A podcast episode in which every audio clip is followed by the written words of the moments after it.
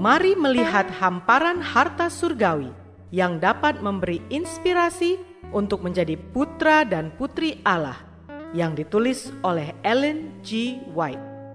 Melalui renungan pagi ini, kita akan mempelajari nasihat yang menguatkan dan memberi semangat untuk memperbaiki karakter kita. Bersama Mana Multimedia Ministry, selamat mendengarkan.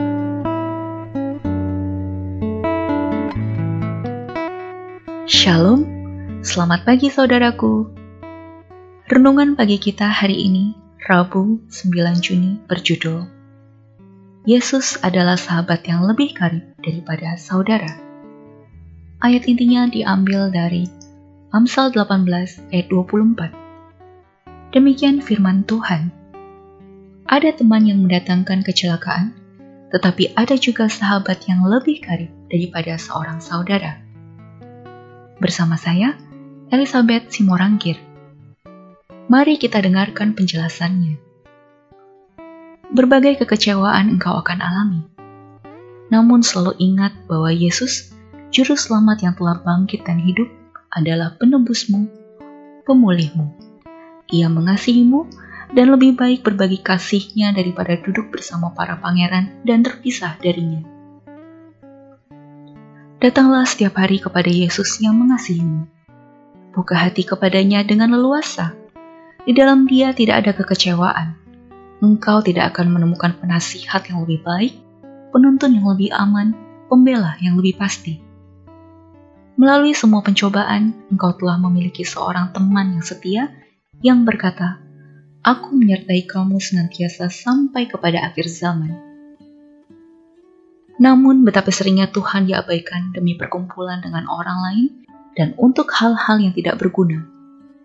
Kita tidak tega membiarkan namanya merana di bibir kita dan kasih serta ingatan tentang dia hilang dari hati kita. Baik, kata profesor yang dingin dan kaku, ini membuat Kristus terlalu seperti manusia. Tetapi firman Allah menjamin kita untuk memiliki pemikiran yang seperti ini. Inilah yang diinginkan dari pandangan praktis dan pasti mengenai Kristus yang mencegah begitu banyak orang untuk memiliki pengalaman sejati dalam pengetahuan tentang Tuhan dan Juru Selamat kita, Yesus Kristus. Inilah alasan mengapa banyak yang takut, ragu, dan berduka. Pemikiran mereka mengenai Kristus dan rencana keselamatan samar-samar, suram, dan membingungkan. Saudara-saudaraku yang kekasih di dalam Tuhan, jika saja ada waktu diberikan bagi manusia untuk kehadiran Kristus di sebelah mereka, maka sekaranglah waktunya. Agar bila mana musuh datang seperti banjir, roh Tuhan akan mengangkat pelindung melawan dia. Persekutuan dengan Kristus sungguh tak terkatakan indahnya. Persekutuan seperti itulah yang menjadi hak istimewa untuk kita nikmati jikalau kita mau mencarinya. Jaminan yang kekal kelak akan menjadi milikmu bahwa engkau mempunyai seorang sahabat yang lebih karib daripada seorang saudara. Doa kita hari ini, Bapa, terima kasih.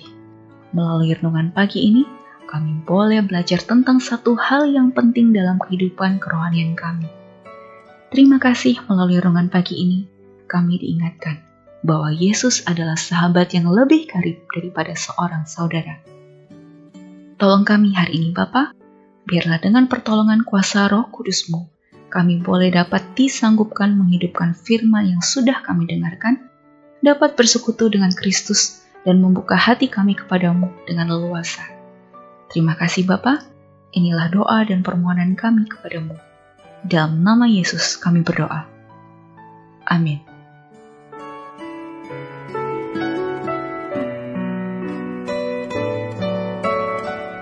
Demikianlah tadi pembahasan tentang menjadi putra dan putri Allah. Semoga firman Tuhan hari ini menjadi berkat bagi Anda. Sampai jumpa, Tuhan memberkati.